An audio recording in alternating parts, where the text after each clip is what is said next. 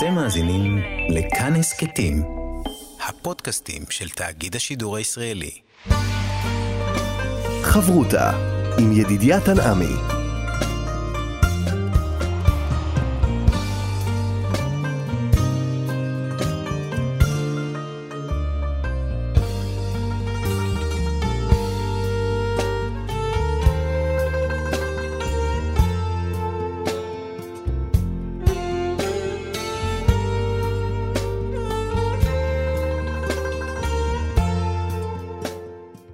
שלום כאן מורשת חבות הלימוד משותף עם רבנים ואנשי חינוך בנושא תנ"ך, הלכה ואמונה. היום אנחנו לומדים אמונה יחד עם הרב מתניה ידיד, ראש מרכז ספרא לחינוך וזהות. וכאן ליד המיקרופון, ידידיה תנעמי, שלום לך הרב מתניה ידיד. שלום. אנחנו בפרשת ויקהל פקודי, פרשה משותפת uh, לכל העניינים של המשכן. זאת באמת הזדמנות לבוא ולהסתכל במבט uh, כולל על כל העניינים של המשכן, והנה הפרשה פותחת בעניין של השבת, ואנחנו יודעים שיש קשר מאוד uh, ככה חזק בין שבת ובין משכן.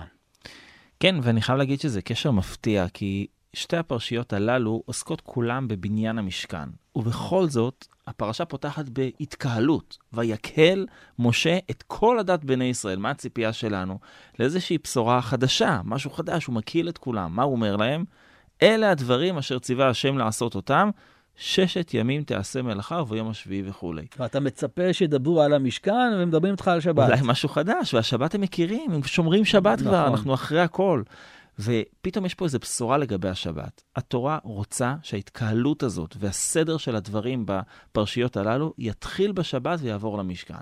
אתה ציינת את הקשר בין שבת לבין המשכן. הקשר הידוע והמפורסם ביותר הוא שאנחנו בטלים ממלאכה בשבת על בסיס המלאכות שנעשו לבניית המשכן. אפילו לא במשכן עצמו, אחרי שהוא בנוי, אלא רק בתהליך בנייתו. מה הקשר בין בניית המשכן לבין איסורי מלאכת שבת?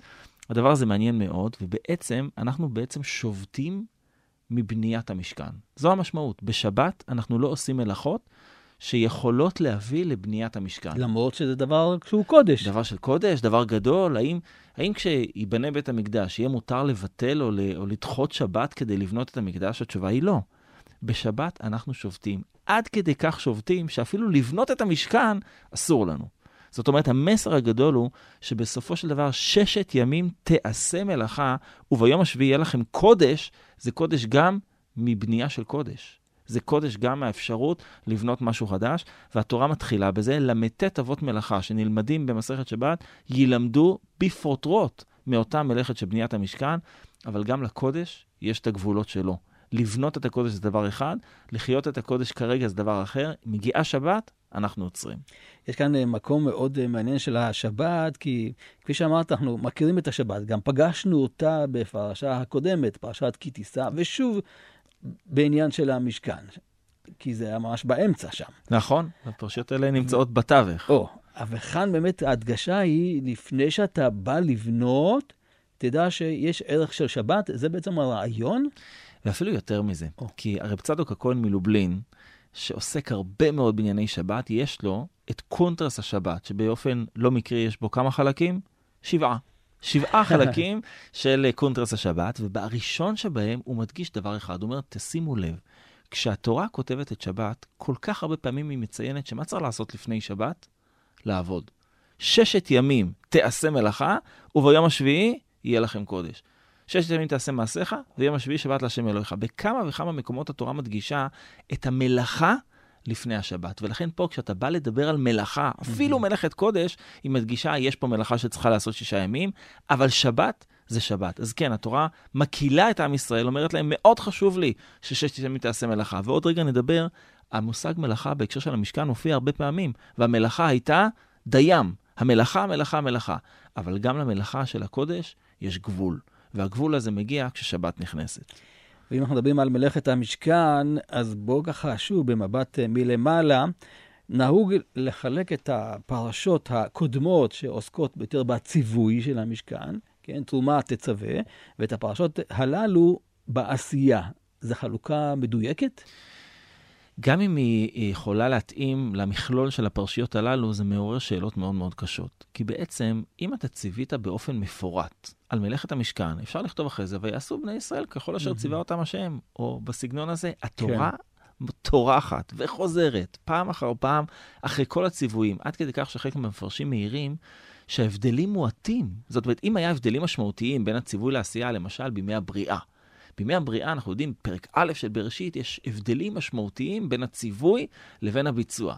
אבל פה אפילו ההבדלים לא משמעותיים, רש"י מציין כמה ואחרים, אבל למה בעצם החזרה הזאת? הרמב"ן, באופן מאוד uh, uh, יפה, כותב שהוא ספר חמש פעמים שהתורה חוזרת על סיפור המשכן.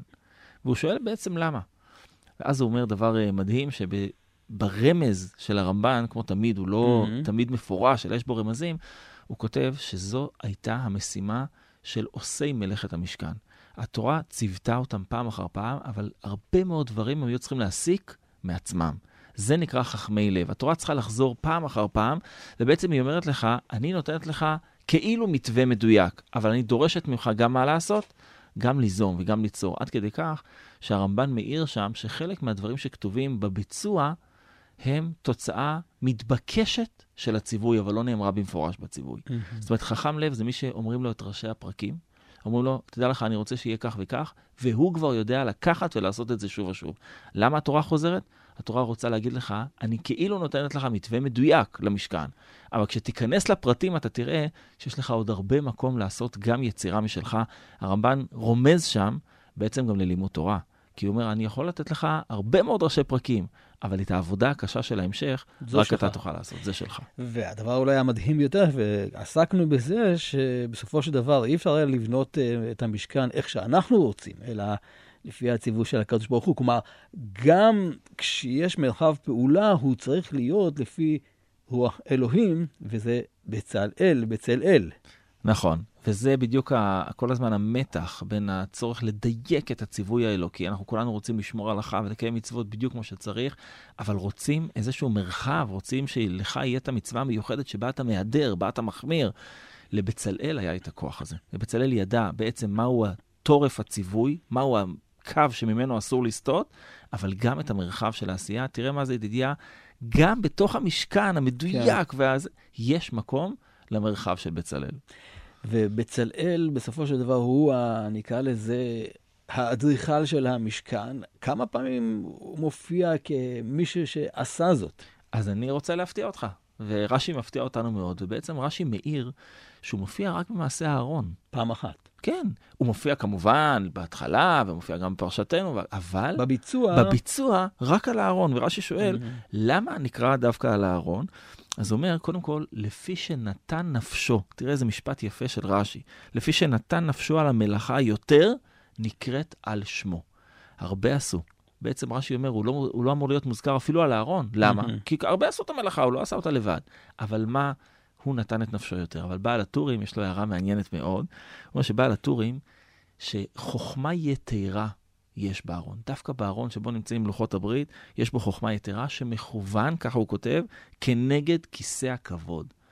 רק בצלאל, האיש שמילא אותו, הקדוש ברוך הוא, ברוח אלוהים, בחוכמה, בתבונה ובדעת, יכול לכוון, ולכן שם, באופן מיוחד, זה נקרא על שמו. עכשיו, אנחנו מוצאים שכנגד חכם לב יש גם חכמות לב. כן, הנשים אשר טבעו את העזים וכולי וכולי. רואים את המקום גם של האישה בבניית המשכן. וזה מודגש בתורה, ולתורה חשוב להדגיש שאף אחד לא היה אה, מחוץ לבניין הקודש mm-hmm. הזה. כשאתה עוסק בבניין הקודש, אתה רוצה שכולם יהיו בפנים. זה כמו מעמד הר סיני. מעמד הר סיני לא למדו שם תורה, אבל כולם עמדו מתחת, גברים, נשים וטף, וקיבלו תורה. גם בבניין המשכן אותו דבר, ובעצם יש כאן אה, אירוע מאוד מאוד אה, מעניין, כי אנחנו יודעים שאנשים הביאו את המראות הצובעות. הצובעות. זה כמו צבא. מה המשמעות של מראות צובעות? אז רש"י מביא את המדרש הידוע, שבו הנשים היו מפתות את בעליהם במצרים, כדי שיהיה המשכיות לעם ישראל, כדי שעם ישראל יוכל להמשיך ולהתקיים, ומשה רבנו לא ידע אם לקבל את המראות האלה. Mm-hmm. זה מראות שמטרתם היא, היא מעשה שבין איש לאשתו, זה ראוי לשים במשכן. הקדוש ברוך הוא אומר לו, את זה אני רוצה. אבל פחות מוכר זה הפירוש שאונקלוס מביא. והוא פירוש מעניין מאוד. ש... אונקלוס מביא שמה זה צובעות? צבעו על פתח ה... צבעו על פתח המשכן. הנשים באו להתפלל במשכן וצבעו על הפתח. אז כיוון שהיו מגיעות עם כל התכשיטים שלהם והמראות שלהם, אומר הקדוש ברוך הוא, את זה אני רוצה. זה לא משהו שהוא מחוץ לקודש, זה משהו שהוא חלק מהקודש. הרב מתניה, אם אני הייתי רוצה לבוא ולתאר לאדם לאן להגיע, תגיע למשכן. כל דבר יש שם מסוים. מה השם של המשכן? אז אנחנו מכירים אה, אה, שני שמות מאוד מרכזיים של המשכן. האחד זה אוהל מועד, והשני זה משכן העדות. עכשיו, אוהל מועד, כולם חושבים, ובצדק, שמה זה מועד? לשון אה, זמן. אבל הרבה מפרשים שמועד זה לשון התוועדות, מפגש, אוהל של מפגש. בין מי למי? אני חושב שמותר להגיד בימינו גם בינך לבין עצמך, אתה נפגש עם השור שלך, עם המקור שלך, אתה מתרגש מאותו מקום, סינדרום ירושלים כזה. Mm-hmm. והצד השני זה מפגש, כמובן, כמובן, הבתוכי הזה זה גם מפגש עם אלוהים, אז זה דבר אחד. דבר שני, משכן העדות. עדות למה? שמה הוא מעיד? רש"י באופן מאוד מעניין, לוקח כאן את העדות לכיוון ויתור על חטא העגל. עם ישראל היה בפוסט-טראומה מהחטא הגדול הזה של חטא העגל, והוא כל הזמן חיפש את הסימן משמיים שסלחו לו. לכן משכן העדות היה בעצם עדות למחילה הזאת. המשכן מהווה התחלה חדשה עבור עם ישראל. חברותה עם ידידיה תנעמי. חברותה כאן אה, במורשת, חברותה באמונה, אנחנו אה, מתבוננים דרך אה, פרשיות השבוע. וגם קוראים את פרשת החודש, והפרשה הזאת הייתה אמורה להיות המצווה הראשונה שפותחת את התורה. זה רק מראה עד כמה המצווה הזאת היא מאוד משמעותית לעם ישראל. ובאמת אה, צריך לשאול למה. זאת אומרת, אה, היא נמצאת בתוך טווח של ארבע פרשיות שאנחנו מוסיפים בחודש אדר, בשקלים, זכור, פרה והחודש, אחד לפני חודש אדר, אחד במהלך, שלוש במהלך חודש אדר. ובעצם פרשת החודש היא הפרשה שמכינה אותנו באיזשהו אופן גם לפסח. אבל בסך הכל הפסוק הזה אומר, החודש הזה לכם, ראש חודשים, ראשון הוא לכם לחודשי השנה. ורש"י מתרגש מאוד מהדבר הזה ואומר, זאת המצווה הראשונה שנצטוו בני ישראל. ואתה מתבונן במצווה ואתה אומר, מה יש כאן? מה יש כאן? אני יכול להגיד כיבוד אב ואם, אני יכול להגיד שבת, אני יכול להגיד... פסח. הזה, פסח, פסח, מה יותר לנו מפסח? והחודש הזה לכם, מה החידוש הגדול במצווה הזאת? וגם ההדגשה, פעמיים לכם. לכם. לכם. מה כל כך לנו בחודש הזה? כן. יש כמה ש, שהחודש הזה לא קל להם, החודש ניסן עם כל ההכנות והכל, ובכל זאת רש"י, הראשון על התורה, מבאר כבר שבעצם התורה הייתה צריכה להתחיל מפה. צריך לזכור שהמצווה הזאת ניתנת לעם ישראל היכן? כשהם במצרים. עוד לא נגאלו גאולה שלמה. ובעצם יש כאן בשורה שהקדוש ברוך הוא מנסה לבשר להם במהלך הזה של הגאולה. החודש הזה לכם ראש חודשים, ראשון הוא לכם לחודשי השנה. המהלך שאתם חיים בו עכשיו, כאן, במצרים, עם הזמנים שלהם, עם החיים שלהם, עם העבודה הזרה שלהם, זה לא יהיה המהלך שלכם. אתם מתחילים מהלך חדש. שום דבר לא יכול להתחיל, אי אפשר לקבוע שום דבר בלי טיימינג. כולם יודעים, גם בפרסום וגם בשיווק וגם בתקשורת, לטיימינג יש משמעות, משמעות גדולה. אף אה, אדם לא יפרסם הודעה חשובה ביום שישי בצהריים. מי יקשיב לזה? אבל ביום אה, ראשון בשמונה בערב, ודאי שיפרסמו הרבה הודעות. זאת אומרת, הקדוש ברוך הוא רוצה לבשר להם בתוך מצרים, שיש כאן התחלה וזמן חדש, ואנחנו עוד רגע אה, נפתח ונדבר על כך שאנחנו לא מבינים בכלל מה זה זמן. דווקא במצרים, לזמן יש משמעות מאוד אמורפית. למשל, מתי אה, אה, מתחילה מכת בכורות במצרים? באיזה רגע ביום או בלילה? בחצי הלילה. בחצי הלילה. משה אומר מה? קח חצות הלילה. הגמרא שואלת, רגע, סליחה? הקדוש ברוך הוא אומר למשה, זמן לא ברור? בערך אני אגיע בחצות. זה הקדוש ברוך הוא, זה זמן מדויק. אבל אם נחשוב טוב, אין זמן כזה חצות הלילה. אין במציאות זמן שנקרא חצות הלילה. למה? כי מה זה חצי הלילה? או שהשנייה הזאת שייכת לחצי הראשון, mm. והשנייה הבאה כבר שייכת למה? כן. לחצי השני, להמשך הלילה. אין זמן שהוא בדיוק באמצע. לכן הגמרא אומרת, משה לא יכל להגיד משהו שהוא לא יודע. לזמן במצרים היה משמעות גדולה. מתי נגלו עם ישראל במצרים? ביום או בלילה? שתי פסוקים סותרים. האם נגלו ביום? נגלו בלילה? הזמנים היו מאוד מאוד חשובים. תחשוב על עבד שהזמן שלו הוא לא בידו. הוא לא בידו, שולטים בו. ופתאום מה הקדוש ברוך הוא מבשר לעם ישראל? הזמן שלך יהיה זמן משלך, חדש כעם. זה נקרא החודש הזה לכם, זה פתיחה לזמנים חדשים. למה זה צריך להיות צמוד להתחדשות של הלבנה? אפשר לקבוע אה, כלל אחר. האמת שזו שאלה גם של הגמרא וגם של ספר הזוהר. והתשובות שלהם אה, דומות. למה יש- ישראל בעצם נמשלו ללבנה?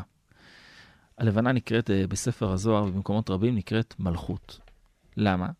כי מלכות, אומר ספר הזוהר, אנחנו רואים את זה גם בתפילות שלנו, גם לפני התפילה אצל הספרדים נוהגים להגיד פתח אליהו, ובפתח אליהו יש שם את המשפט הזה, שמלכות לית לה מגרמה כלום. מה זאת אומרת? אין לה מעצמה שום דבר. כל המלכות ניזונת בעצם מהאנשים שמאמינים בה. הלבנה, אין לה אור משלה. כל האור שלה נובע מהשמש. אפשר להסתנוור מהשמש. אפשר להסתכל על השמש ולהגיד, וואו, איזה עוצמה. באמת השמש בעולם העתיק הייתה אחת מעבודות זרות החזקות ביותר. כן. ואילו הלבנה נחשבת לקטנה, היא נעלמת והיא מתכסה, ואחרי זה היא... ובעצם זה עם ישראל. עם ישראל יודע את מה שהעולם אולי מנסה להסתיר, שאת כל האור שהוא מקבל, הוא מקבל ממקום גבוה יותר, ממקום חזק יותר. לכן ישראל נמשלו ללבנה, והלבנה הזאת יודעת אבל להתחדש. זה בדיוק הסיפור. השמש לא מתחדשת, והלבנה יודעת להתחדש. והזמנים, הרי כל הרעיון של מערכת הזמנים זה שבתות זה קבוע, והזמנים מתחדשים כל הזמן, כל פעם באים והולכים. אז הנה, זה הרעיון של הלבנה, ההתחדשות. אז תראה, בהלכות קידוש החודש ברמב"ם, דבר מעניין מאוד, כשהוא רוצה לחלק שעה לחלקים, לטובת הנוחות של קידוש החודש, כן. לכמה הוא מחלק אותה? 1,080. המספר הזה של 1,080, שהוא מספר מבחינה מתמטית מאוד נוח לעבוד איתו, כי הוא מתחלק בהרבה מאוד מספרים.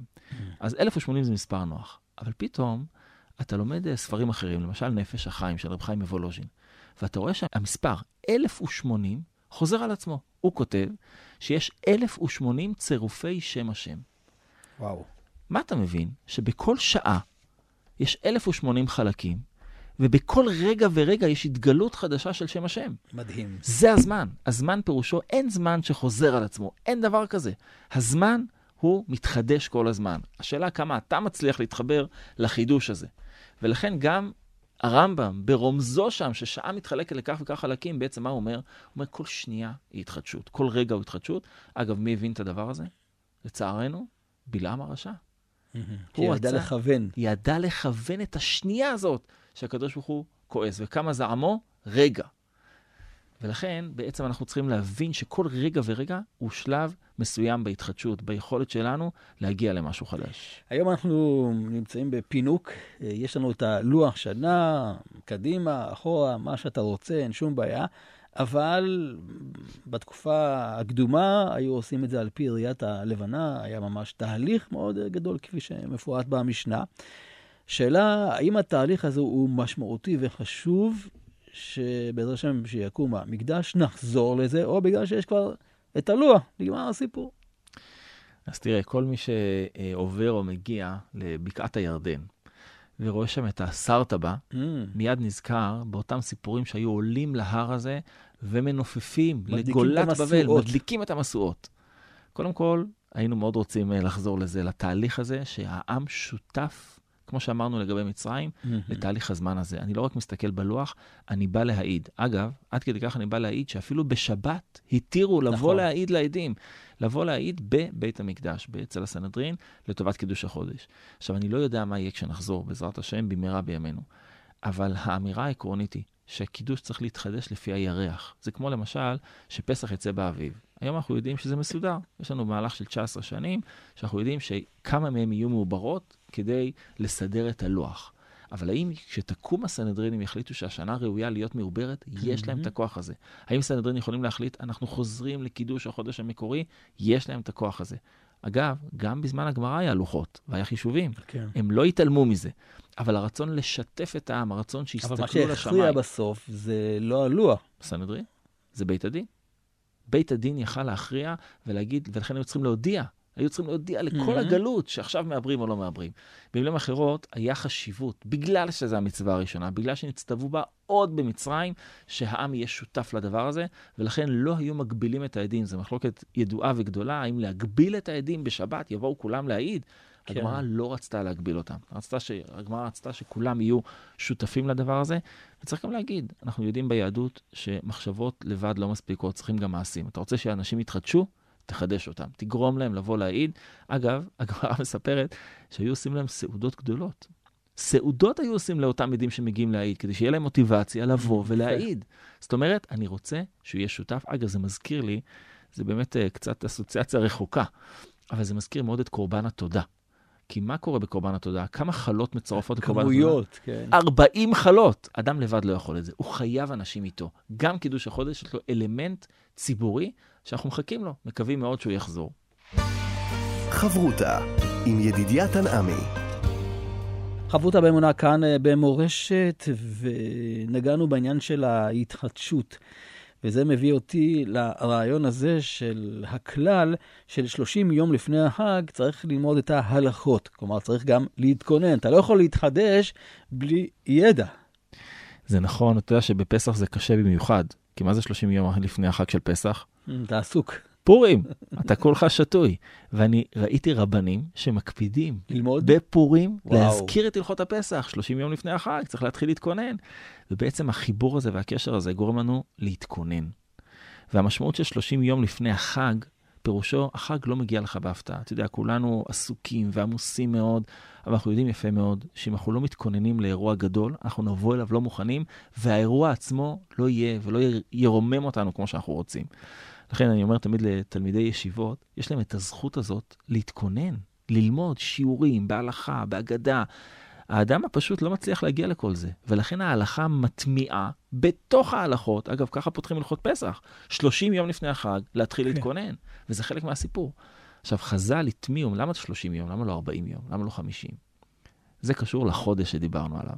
זה חודש. חודש אה, זה. מספר שלם. 30 יום לפני החג פירושו, אתה יותר, אתה מתכונן לחג יותר ממה שהחג עצמו, נכון? החג עצמו הוא שבעה ימים, אתה מתכונן אליו 30 יום. בפסח כולם מבינים את זה, אבל זה נכון לגבי שבועות, נכון לגבי סוכות, זה נכון לגבי כל החגים כולם, ולכן חז"ל הטמיעו בתוך ההלכה את הצורך הזה להתכונן. כשאתה אומר להתכונן, אז בסדר, אז יש לנו את הידע ללמוד את ההלכות, שלא נטעה, אבל אתה נראה לי מדבר על משהו גדול יותר. ההכנה שחז"ל דיברו עליה, היא קודם כל באמת הכנה הלכתית. צריך לזכור שלמשל אה, בשבתות, אה, יש גזרה מאוד מעניינת שאסרו ללמוד בדברי אגדה. למה? כי בשבת היה שיעור הלכתי, וחז"ל רצו שהם לא ימשכו את ליבם בדברי אגדה ויבואו לשמוע גם הלכה. אבל מה נובע מזה? נובע מזה שהעם למד אגדה. נובע מזה שהעם נמשך ליבו לדברי אגדה. כשאנחנו לומדים על אה, פורים, על פסח, על חג השבועות, אנחנו נמשכים לאותם מקומות, ובצדק, שמדברים איתנו על גדולת החג. ודאי שחלק מההכנה אל החג היא ההכנה הרוחנית שלו. אני תמיד נותן אה, לילדים דוגמה, שלמשל הם עושים הפתעה אה, גדולה לאבא ואימא. הם עושים, יש להם איזה יום הולדת, יש להם משהו, והם עושים להם הפתעה. הילדים מתרגשים מעצם ההכנה, מתי ייכנסו, מתי יבואו. ככה הרב אלימלך בר שאול, רבה של רחובות, הסביר את החומרה של המצוות. היכולת להתכונן למצווה פירושו להבין שאני רוצה לעשות אותה בשלמות. אני לא רוצה שהחג יגיע ואני אכנס אליו טרוט עיניים ועייף מאוד. אני רוצה להגיע אליו מוכן. אז זה לא רק קשור לאיך נראה ערב החג, זה קשור לאיך נראים 30 יום לפני החג. חלק מהסיפור. אז רגע, אז מה יותר חשוב, אני מבין כאן? התוצאה, כלומר, אני צריך להיות מוכן כדי להגיע לחג, או התהליך עצמו גם כן? אז תראה, אם לא הייתה לנו את uh, תפילת הדרך, הייתי אומר שזו שאלה. אבל אתה רואה כמה חז"ל החשיבו את הדרך. עד כדי כך שבשם כל כך הרבה רבנים אפשר לומר את המשפט הבא, שאנחנו אחראים על המאמצים ולא על התוצאות. אם אתה מתאמץ היטב, ותפילת הדרך מוכיחה את זה, אני, הדרך היא, היא חלק הכרחי מההגעה אל היעד.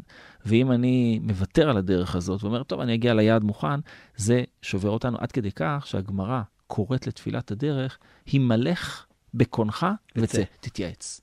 הדרך היא התייעצות. האם אני מגיע לחג הזה באמת מוכן? האם אני באמת למדתי משהו עליו? ואני אומר שוב, החיים האמיתיים הם באמת מאוד מאוד קשים, הם, לא, הם לא פשוטים. וחז"ל, כמו שאמרתי, הטמיעו בתוך ההלכה כבר את הצורך להתכונן. אתה יודע, זה מזכיר לי את העניין של uh, מי שתפס את זה כל כך חזק. זה היה עמלק. איפה הוא תפס אותנו? בדרך, בדרך, בצאתנו ממצרים. ויש אה, עוד uh, נקודה נוספת, uh, יש את העניין הזה, כשאדם נפרד מחברו בדרך, אז איך הוא נפרד? בדבר הלכה. ההלכה. אז גם פה, העניין של הדרך וההלכה, הם מת, ממש מתחברים. כי מה זה הלכה? ללכת. ללכת. בד... כשאדם נפרד מחברו והולך לדרך, ייפרד ממנו בדבר שיעסיק אותו בהליכתו.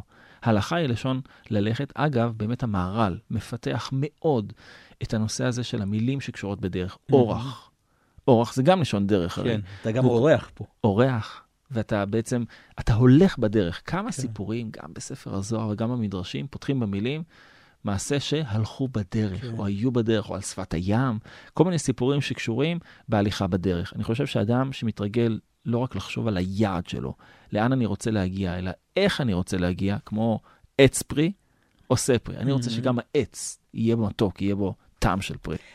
טוב, אתה מדבר על 30 יום קודם עם החג, אבל יש לנו הלכה פשוטה, שקודם התפילה גם צריך לשהות ולהתכונן, אז הנה, שוב, הנושא של ההכנה. אין, אין עצה טובה יותר לתפילה שאני מכיר, מאשר עצה ששמעתי פעם מחבר טוב. הוא אמר לי שהתפילה שלו יותר טובה כשהוא מתיישב להתפלל והסידור נשאר סגור. הוא יושב דקה, הוא אומר לי, דקה אני מתבונן על הסידור, אני חושב רגע אחד, ואז אני פותח אותו. הוא אומר, מאז התפילות שלי הפכו להיות משהו אחר. אנחנו מכירים את הגמרא על החסידים הראשונים. שהיו שוהים. כן, אנחנו אנשים כאלה גדולים, מספיק לנו דקה. אבל הם היו צריכים לשהות שעה, אני אומר את זה כמובן בחיוך, הם בשעה הזאת, שאל אותי פעם תלמיד, מה, מה הם עשו בשעה הזאת? ואחד המפרשים כותב במפורש שהם לא למדו. לא מדובר פה על שעה של לימוד לפני התפילה. מדובר פה על התכווננות, על כוננות, על, ה, על הריכוז של החשיבה על מה אני מתפלל עכשיו. חסידים הראשונים ידעו, אגב, הגמרא שואלת, אם הם שוהים שעה אחת לפני התפילה, ושעה אחת אחרי התפילה, ושעה מתפללים? מתפללים, יש להם תשע שעות ביום של תפילות. כתוב, מתי מלאכתם נעשית? הגמרא עונה, תורתם משתמרת ומלאכתם מתברכת. אם אתה באמת שוהה ומכוון מעין מדיטציה רוחנית כזאת, אמיתית, כל השאר מתברך ומשתמר. למה הם קוראים דווקא חסידים? אז החסידים, הלשון בגמרא של חסידות זה דקדוק במצוות. אה, והדקדוק הזה נובע לא רק בלהחמיר באיזה אוכל אתה מכניס לפה, אלא בכמה אתה מגיע מוכן לתפילה.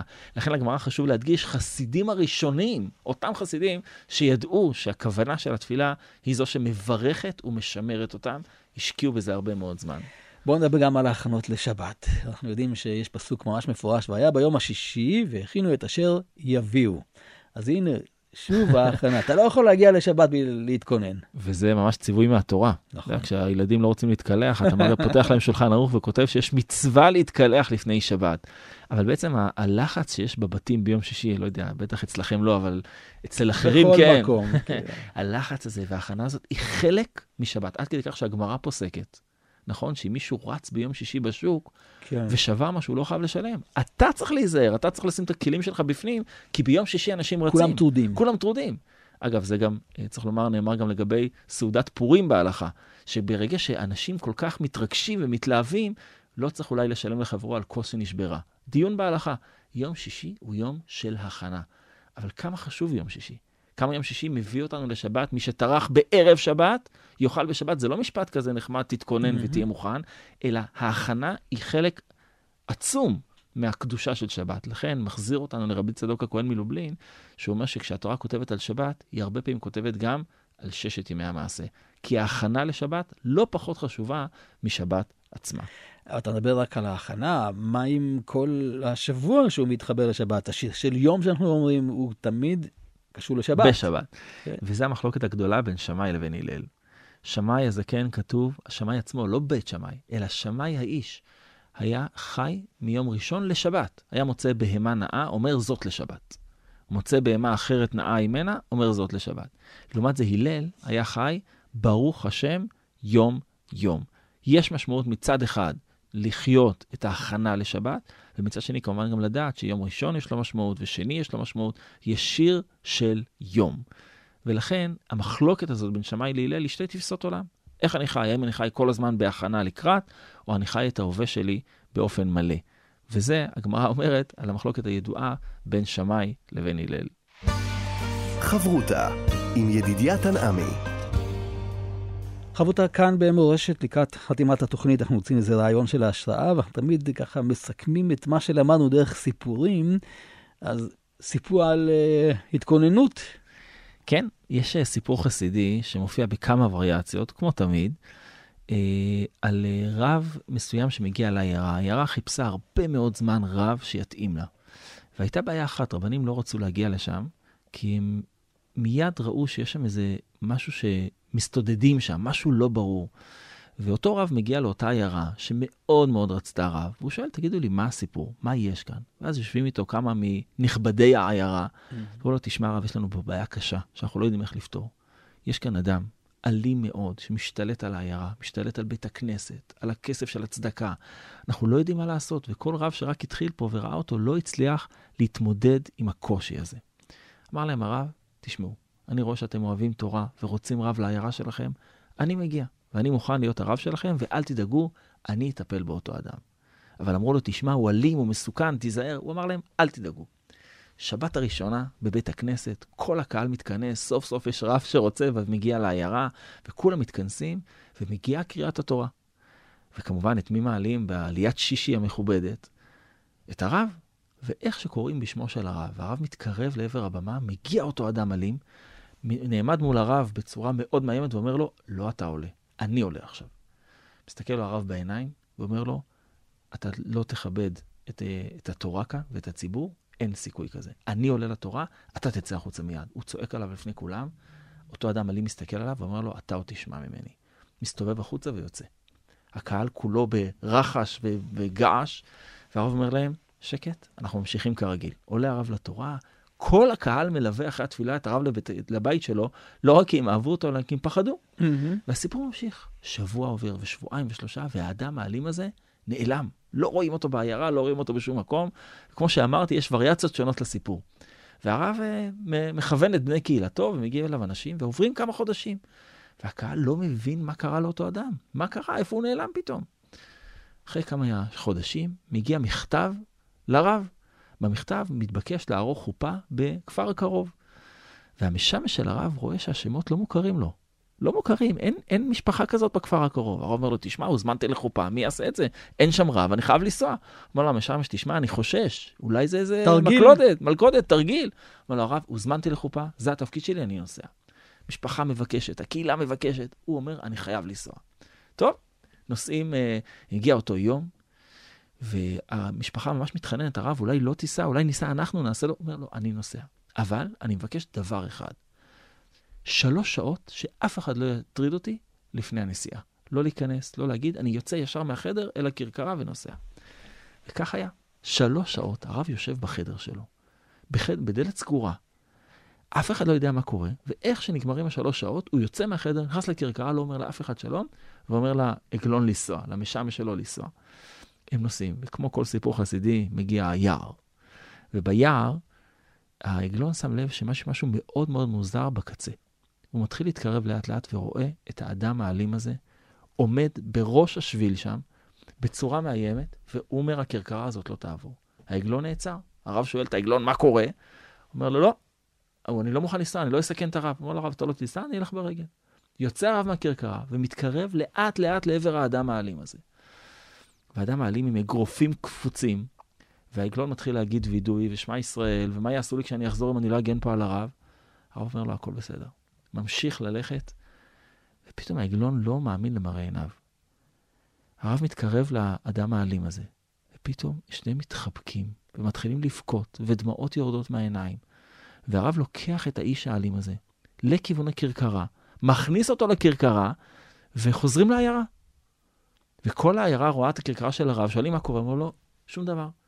שואלים מה קורה, תספר לנו מה היה, למה בכיתם, למה התחבקתם? אמר להם, הרב, בסעודה שלישית בשבת, הקהל יתכנס, ואנחנו נספר את הסיפור ביחד.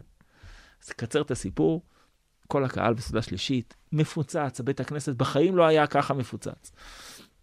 והקהל מתכנס, והרב מבקש מכולם שקט, דממה, והרב מספר את הסיפור הבא. הוא אומר, תשמעו, אתם בטח חושבים שאני הכרתי אותו, ויש לנו איזה סיפור ארוך לספר לכם. אומר להם, הרב, אני צר לי לאכזב אתכם. אין לי שום סיפור לספר לכם. רק דבר אחד. נכון, ביקשתי שלוש שעות שקטות. אמר להם, הרב, לא למדתי, לא התפללתי, לא אמרתי תהילים, כמו החסידים הראשונים האלה. עשיתי דבר אחד. שלוש שעות ישבתי וחשבתי כמה האדם הזה מסכן, כמה אף אחד לא חיבק אותו. אולי אף אחד לא אוהב אותו בכלל. מי יודע מה הסיפור שלו? אומר, שלוש שעות ישבתי וחיזקתי בלב את ה"ואהבת לרעך כמוך" כלפי האדם הזה. כשהעגלון עצר ביער, ידעתי שהאדם הזה רוצה לתקוף אותי, זה היה לי ברור. אבל לאט לאט התקרבתי אליו והסתכלתי לו בעיניים. וכל הזמן מה שחשבתי בלב זה כמה אני רוצה לאהוב אותו, כמה הוא זקוק לעזרה הזאת. וכשהתקרבתי אליו והוא ראה אותי, הוא לא עמד בזה, והתחבקנו. על הסיפור החסידי הזה הביאו את הפסוק, כמים הפנים לפנים, כן לב האדם לאדם. אנחנו חושבים שאולי זה איזה תרגיל פסיכולוגי, אבל האמת היא שאתה מרגיש כשאדם אוהב אותך. אתה מרגיש, אפילו בטלפון, אפילו בוואטסאפ, אפילו ב-SMS קטן, אתה יכול להרגיש אם האדם בצד השני קשוב לך, מבין אותך, אוהב אותך. והסיפור החסידי הזה הוא נפלא, כי הוא מתכתב עם כל כך הרבה דברים אחרים שבחסידות כל כך מדגישים. שבעצם אתה יכול להפוך את הלב של האדם השני, אם הלב שלך יהיה שלם. בתורת החשיבה החיובית, אני לא מכיר אותה מספיק, אבל שמעתי mm-hmm. כמה דברים, זה מתחיל ממך. כל משהו שאתה חושב שתלוי באחרים, אתה לא תצליח בו. אבל כשאתה מבין שהמחשבות והאהבה שלך הם אלה שיובילו כאן, זה יהיה המהלך של ההתכווננות, של הכוונה הטובה שמתחילה מהלב. אתה יודע, כשאתה מספר את הסיפור הזה, זה כל הזמן מהדהד לי את הסיפור של יעקב ועשו, המפגש. וואו, גם נכון. יעקב התכונן, אבל הוא התכונן לשלושה דברים. שם גם תפילה, גם דורון וגם אופציה של מלחמה. ולמה עשו התכונן? מלחמה. למלחמה. הוא בא להילחם, ו-400 איש עימו. והנה מה קורה? הם מסתכלים בעיניים אחד לשני ומבינים שהם אחים. כן. וזה בהחלט מזכיר את הדבר הזה, ואני חושב שגם היום, גם היום, כאשר אדם עובד על עצמו בעיקר, לחזק את ואהבת לרעך כמוך, הרב, הרב קוק כותב, שאהבת ישראל זה עבודה גדולה, זה תורה שצריך ללמוד אותה, זה לא רק משהו מגיע מהלב. שלוש שעות צריך לשבת רק בשביל לחשוב כמה אתה אוהב אדם מסוים, אחד, שזקוק לזה. כמה צריך בשביל לאהוב את עם ישראל, זה בהחלט תורה גדולה שצריכה להילמד. ולכן, ואהבת לרעך כמוך, רבי עקיבא כבר אמר, זה כלל גדול בתורה. אני מזכיר לכולם איפה רבי עקיבא התחיל. הוא התחיל מאדם שאף אחד לא ראה בו שום דבר, חוץ מרחל. אישה אחת שראתה בו את מה שאף אחד, אולי הוא בעצמו לא ראה, וזה ממש כמים הפנים לפנים, כן, לב האדם לאדם.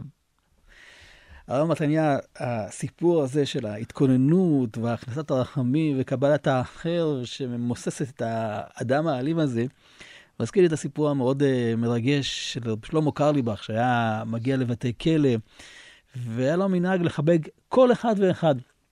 וככה היה, באמת, אה, הוא הגיע וחיבק לא רק את החבר'ה היהודים, גם את כל מי שהיה שם. ואיכשהו ככה מתכונן לצאת, פתאום רודף אחריו איזה ככה אדם גדול ממדים, כושי, שצועק לו, רביי, רביי, וחכה, חכה, חכה, בבקשה. אז הוא מחכה והוא שואל אותו, כן, מה, מה אתה רוצה? אומר לו, אפשר עוד חיבוק? וככה, תן לו חיבוק ככה גדול מאוד, והוא שואל אותו, מה, מה קרה? אז הוא אומר לו ככה, אחרי שככה הם עומדים חפוקים ככה שעה ארוכה, הוא אומר לו, אוי רביי, אף אחד, אף אחד לא חיבק אותי כך מעולם, והוא בכה.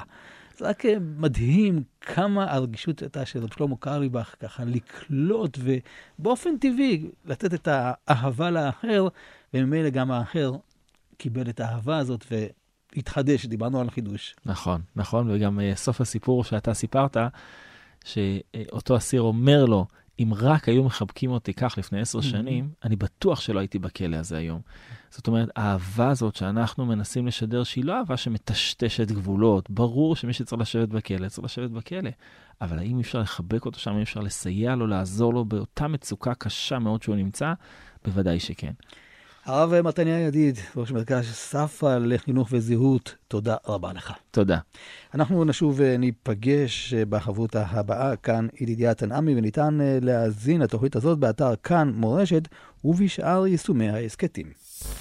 אתם מאזינים לכאן הסכתים, הפודקאסטים של תאגיד השידור הישראלי.